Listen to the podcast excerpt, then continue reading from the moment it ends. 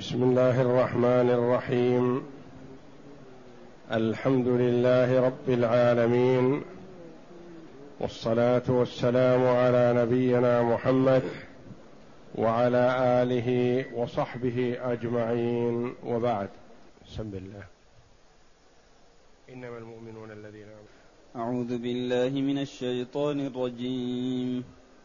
إنما المؤمنون الذين آمنوا بالله ورسوله ثم لم يرتابوا وجاهدوا بأموالهم وجاهدوا بأموالهم وأنفسهم في سبيل الله أولئك هم الصادقون قل أتعلمون الله بدينكم والله يعلم ما في السماوات وما في الأرض والله بكل شيء عليم.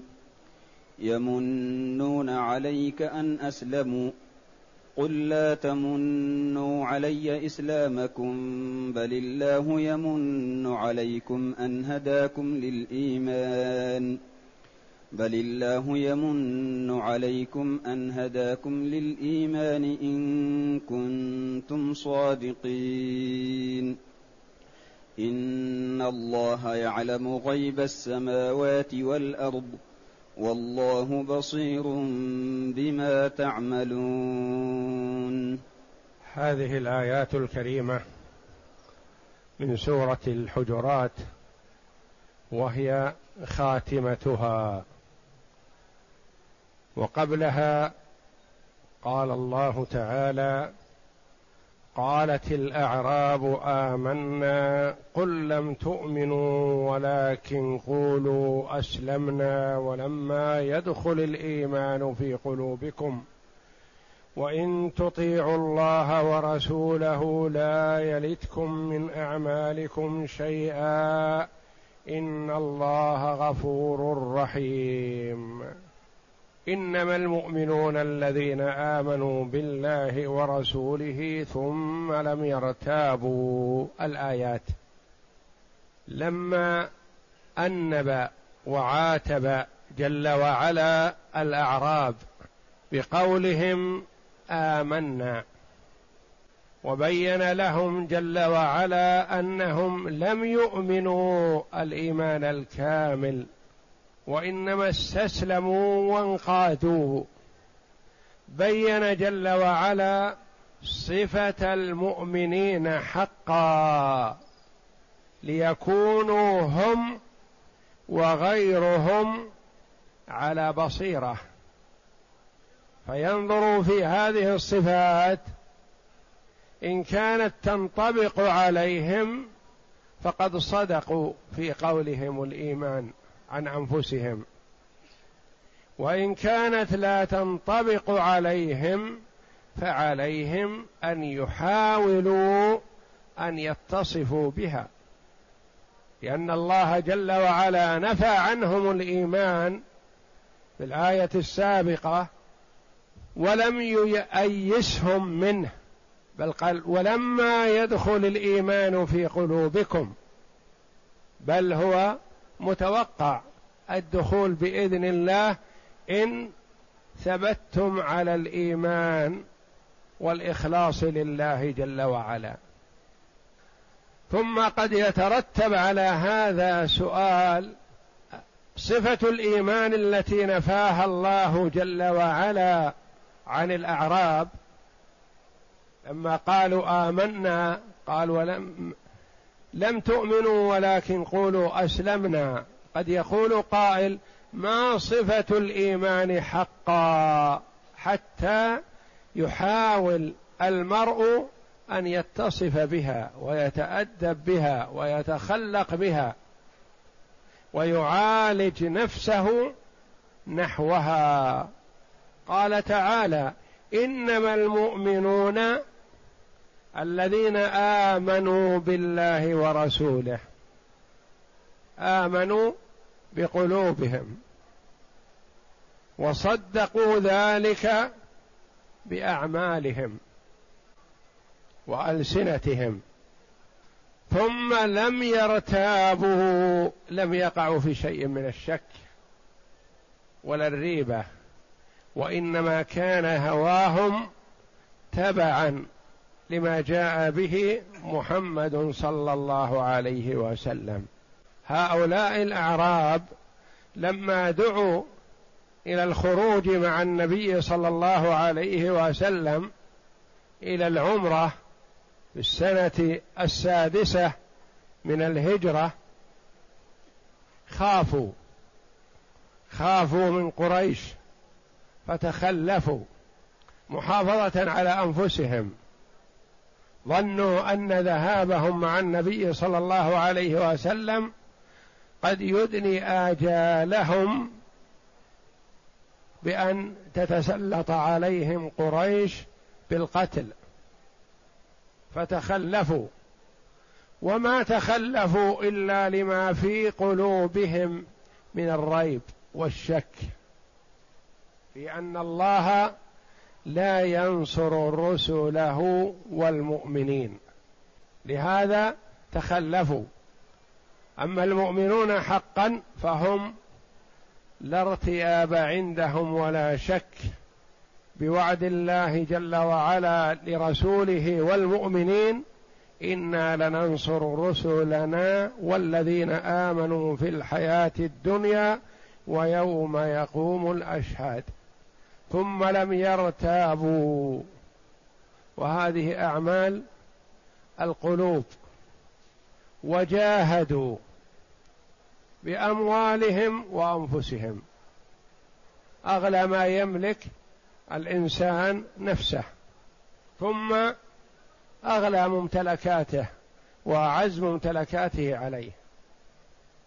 فهم بذلوا أغلى ما يملكون النفس والمال في سبيل الله لإعلاء كلمة الله.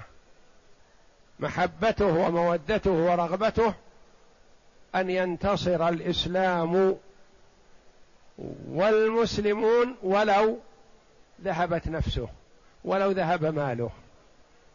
هذا دليل الإيمان الكامل. ثم لم يرتابوا وجاهدوا بأموالهم. جاهدوا بأموالهم وقدم جل وعلا الجهاد بالمال لأهمية ذلك لأن المال ينتفع به مجموعة لا نفس واحدة. جاهد بنفسه بنفسه نفس واحدة فقط. لكن إذا بذل المال قد يكون خيرا للمسلمين أن يعطيهم المال الكثير ولا يخرج بنفسه أنفع. لأن المال ينتفع به مجموعة من المجاهدين. وجاهدوا بأموالهم كثيرا في الآيات يقدم الله جل وعلا المال على النفس. وليس المراد والله أعلم أن المال أغلى من النفس لا. ولكن للاستفادة من المال قد يكون أكثر. فمثلا لو خرج شخص بنفسه فقير بنفسه جاهد وبذل جهده. أو شخص آخر ما خرج بنفسه وإنما بذل آلاف الدراهم والدنانير للمجاهدين. أيها أنفع. لا شك أن من بذل الأموال الطائلة ينتفع بها العدد الكبير من المجاهدين. وجاهدوا بأموالهم وأنفسهم. والجهاد يطلق على مجاهدة النفس وعلى القتال في سبيل الله. قتال الكفار يسمى جهاد. ومجاهدة النفس في الأعمال الصالحة التي يحبها الله جل وعلا تسمى جهاد. فالمرء يجاهد نفسه على العمل الذي يرضي الله جل وعلا وإن كان في ذلك مشقة على نفسه. فمثلا القيام لصلاة الفجر يحتاج المرء إلى أن يجاهد نفسه عند هذا. الصبر على مشقة الطاعة يحتاج المرء أن يجاهد نفسه. الصبر عن توق النفس واشتياقها إلى المعصية إذا خلت عن الناس يحتاج إلى جهاد. لأن المرء قد يمنع نفسه عن المعصية بمرأ من الناس لكن إذا خلا وبعد عمن يستحي منه ربما تجرأ ووقع في المعصية. ولا يمتنع منها إلا من قوي على نفسه وجاهدها ومنعها من الوقوع في المحرم. وجاهدوا بأموالهم وأنفسهم في سبيل الله في سبيل الله يطلق ويراد به غالبا الجهاد جهاد الكفار ويطلق على سائر الطاعات. فكان ترغيبا في البذل في سبيل الله إعطاء الفقراء في سبيل الله. نفع المسلمين في أمر من الأمور في سبيل الله. أداء الطاعات في سبيل الله. الامتناع عن المعاصي في سبيل الله. وجاهدوا بأموالهم وأنفسهم في سبيل الله فيما يرضي الله جل وعلا. أولئك هم الصادقون. هؤلاء هم الصادقون في انتسابهم إلى الإسلام واتصافهم بالإيمان. هؤلاء الذين اتصفوا بهذه الصفات هم الصادقون. أما من يقول بلسانه أو جاء رغبة في المال أو رغبة في الصدقة هذا ليس كذلك. أولئك والإشارة بأولئك للبعد لعلو منزلتهم عند الله جل وعلا. أولئك هم الصادقون في قولهم إنهم مؤمنون. اقرأ. يقول إنما المؤمنون أي إنما المؤمنون الكمل الذين آمنوا بالله ورسوله ثم لم يرتابوا أي لم يشكوا ولا تزلزلوا بل ثبتوا على حال واحدة هي التصديق المحض. هي الإخلاص لله جل وعلا ثبتوا على هذا واستمروا عليه.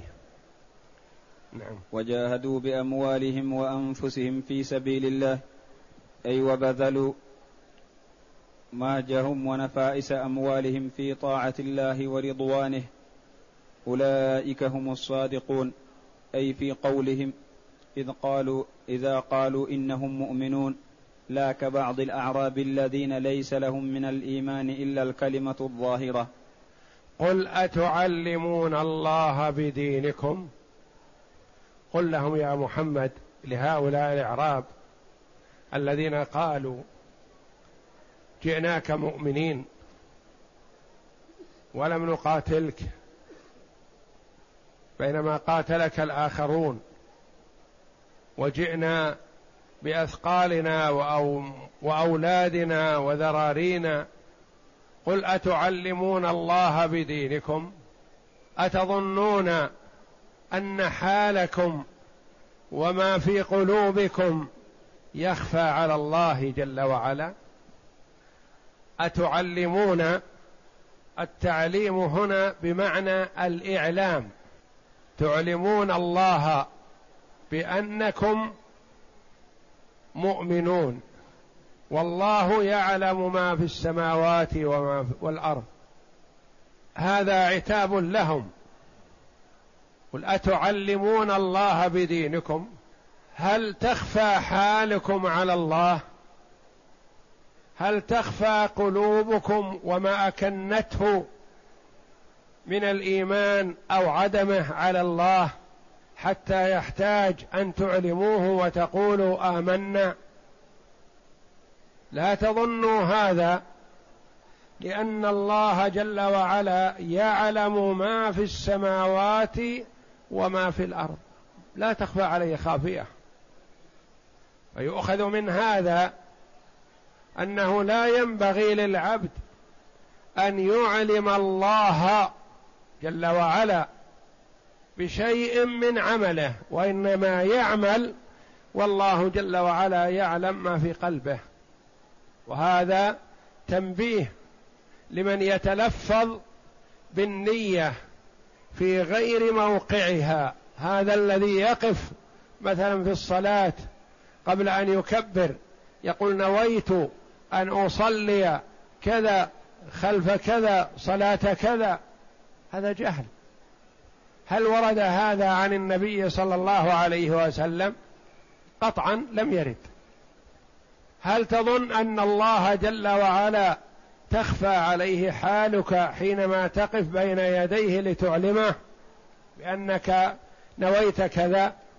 والله جل وعلا يقول ولقد خلقنا الإنسان ونعلم ما توسوس به نفسه ونحن أقرب إليه من حبل الوريد.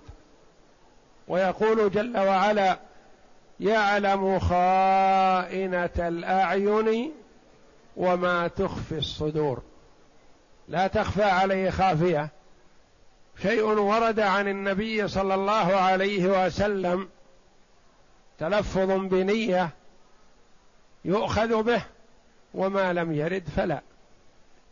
ما نقل عن النبي صلى الله عليه وسلم أنه تلفظ بنية الصلاة أو أمر بها أصحابه رضي الله عنهم أو فعلها أحد من الصحابة رضي الله عنهم أو قالها.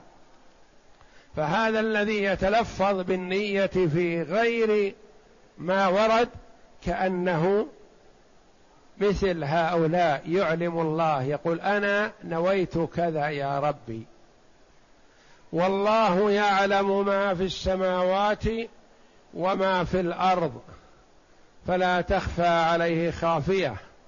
إذا أعلمت الله على خلاف من طوى عليه قلبك أنت جئت مثلا تريد الصدقة وقلت إني جئت أريد الإيمان والإسلام وأنا مؤمن.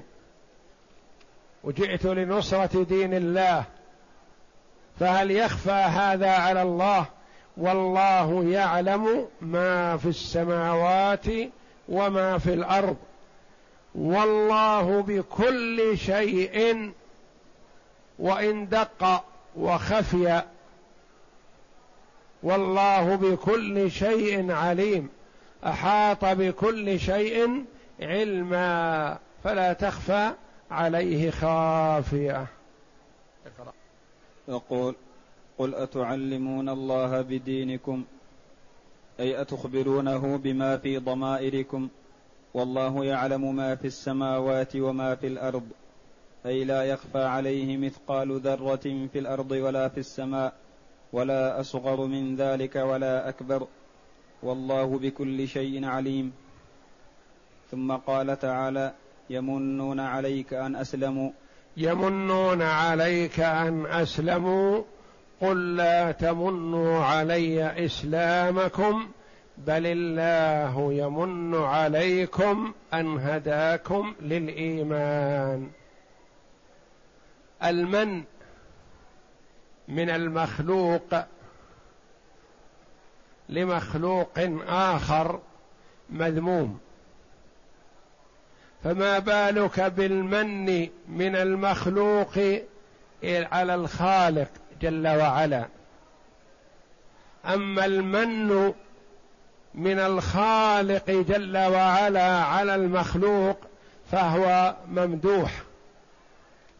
وذلك أن الأعراب الذين جاءوا إلى المدينة ضايقوا أهل المدينة ووسخوا طرقها وأغلوا أسعارها كما نقل ذلك المفسرون رحمهم الله. وآذوا النبي صلى الله عليه وسلم في كثرة التعرض له وطلب الصدقة منه وذكر حالهم أنهم جاءوا بأثقالهم وأهليهم وذراريهم. وأنهم جاءوا بدون قتال وأن القبيلة الفلانية والقبيلة الفلانية ما جاءتك إلا بعد قتال ونحن جئنا طائعين. وهكذا من الكلمات التي يمنون بها على النبي صلى الله عليه وسلم في دخولهم بالإسلام.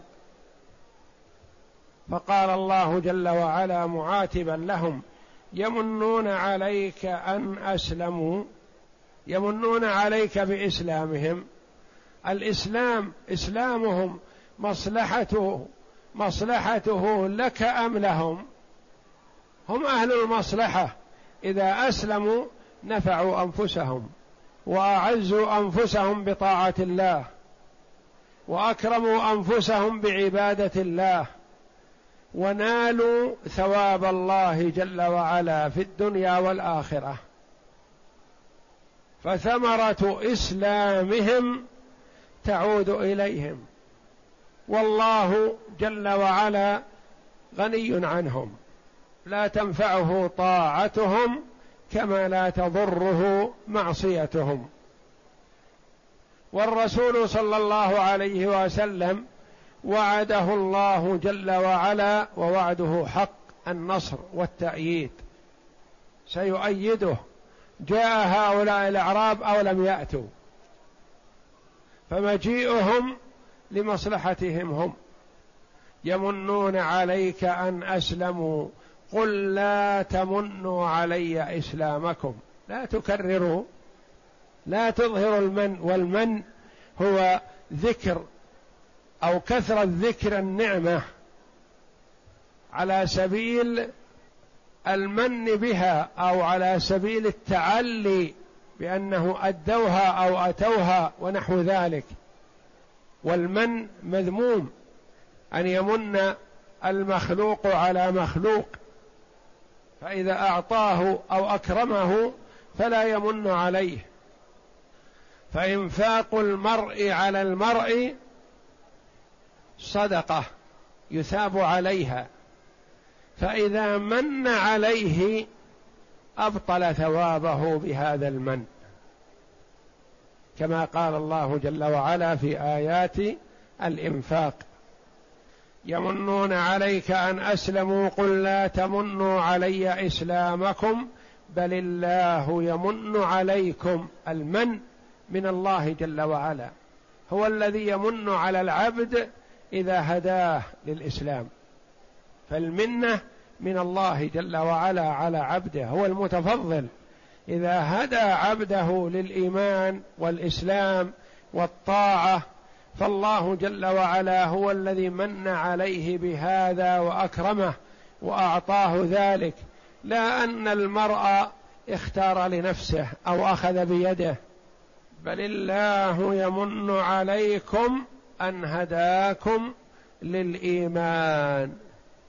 كما قال الأنصار رضي الله عنهم لما ذكر لهم النبي صلى الله عليه وسلم ما تفضل الله جل وعلا به عليهم بسبب رسوله صلى الله عليه وسلم قالوا الله ورسوله أمن.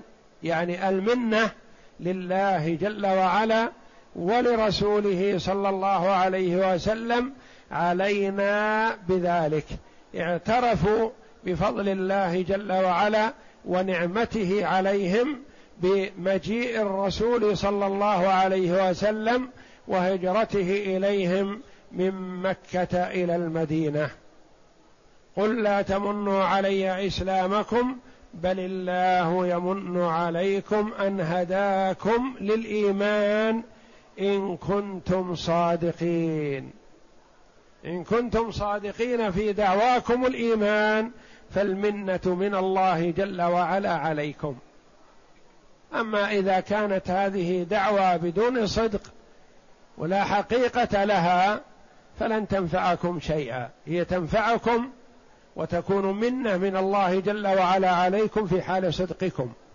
أما في حال عدم الصدق وعدم الإخلاص فلا تنفعكم شيئا وإنما تنفعكم في حال الصدق. ثم قال تعالى يمنون عليك أن أسلموا. قل لا تمنوا علي إسلامكم. يعني الأعراب الذين يمنون بإسلامهم ومتابعتهم ونصرتهم على الرسول صلى الله عليه وسلم. يقول الله تعالى ردا عليهم. قل لا تمنوا علي إسلامكم. فإن نفع ذلك إنما يعود عليكم ولله المنة عليكم فيه بل الله يمن عليكم أن هداكم للإيمان إن كنتم صادقين. أي في دعواكم ذلك كما قال النبي صلى الله عليه وسلم للأنصار يوم حنين يا معشر الأنصار ألم أجدكم ضلالا فهداكم الله بي وكنتم متفرقين فألفكم الله بي. وكنتم عالة فأغناكم الله بي. كلما قال شيئا قالوا الله ورسوله أمن. يعني المنة لله جل وعلا ولرسوله صلى الله عليه وسلم عليهم بذلك. اعترفوا رضي الله عنهم. وذلك أن النبي صلى الله عليه وسلم أعطى غنائم حنين لأناس من المؤلفة قلوبهم.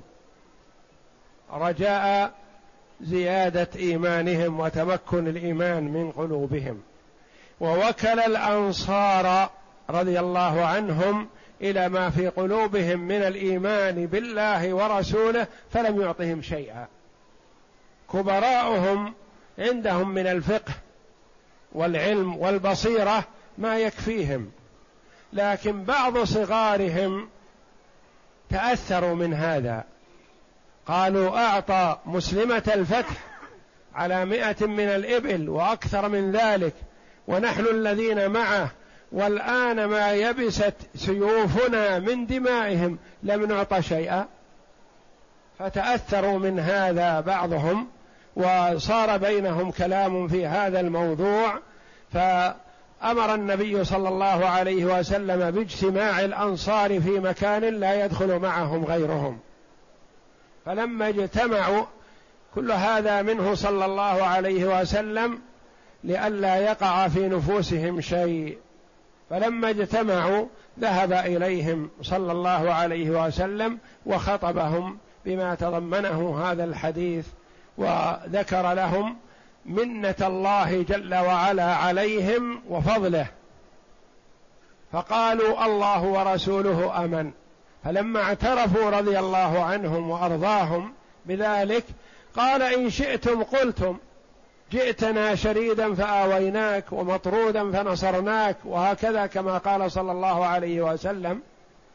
وفي كل ما قال شيء قال قالوا رضي الله عنهم الله ورسوله أمن. ثم قال كلمة طيبت خواطرهم صغارهم وكبارهم قال ألا ترضون أن يذهب الناس بالشاء والبعير وتذهبون برسول الله صلى الله عليه وسلم إلى رحالكم؟ لو سلك الناس شعبا وسلك الأنصار شعبا لسلكت وادي الأنصار وشعبهم. وطيب خواطرهم صلى الله عليه وسلم فقاموا مسرورين فرحين بما تكلم به صلى الله عليه وسلم واعتبروا ما قال لهم عليه الصلاة والسلام خيرا وأفضل وأطيب مما أعطوا أعطي الناس من الشاة. أخرج الحافظ أبو بكر البزار عن ابن عباس رضي الله عنهما قال جاءت بنو أسد إلى رسول الله صلى الله عليه وسلم فقالوا يا رسول الله أسلمنا وقاتلتك العرب ولم نقاتلك. فقال رسول الله صلى الله عليه وسلم هؤلاء الأعراب من بني أسد. نعم. إن فقههم قليل وإن الشيطان ينطق على ألسنتهم. ونزلت هذه الآية يمنون عليك أن أسلموا قل لا تمنوا علي إسلامكم بل الله يمن عليكم أن هداكم للإيمان إن كنتم صادقين. ثم بين جل وعلا أن كل ما انطوت عليه القلوب. وما وجد في هذا الكون وما لم يظهر منه فالله جل وعلا عالم به. لا تخفى عليه خافية. ليس علمه بما ظهر أو بما بان أو بما علم بل قال جل وعلا إن الله يعلم غيب السماوات والأرض. الغيب هو الخفي الذي لم يظهر ولا يعلم به. والله بصير بما تعملون. يعلم الغيب ويعلم الظاهر جل وعلا. أحاط بكل شيء علما. يعلم ما في النفس قبل أن يتكلم به الإنسان. ويعلم ما عمله الإنسان في حال خفائه أو بعده عن الناس من خير أو شر. والله أعلم. وصلى الله وسلم وبارك على عبده ورسول نبينا محمد وعلى آله وصحبه أجمعين.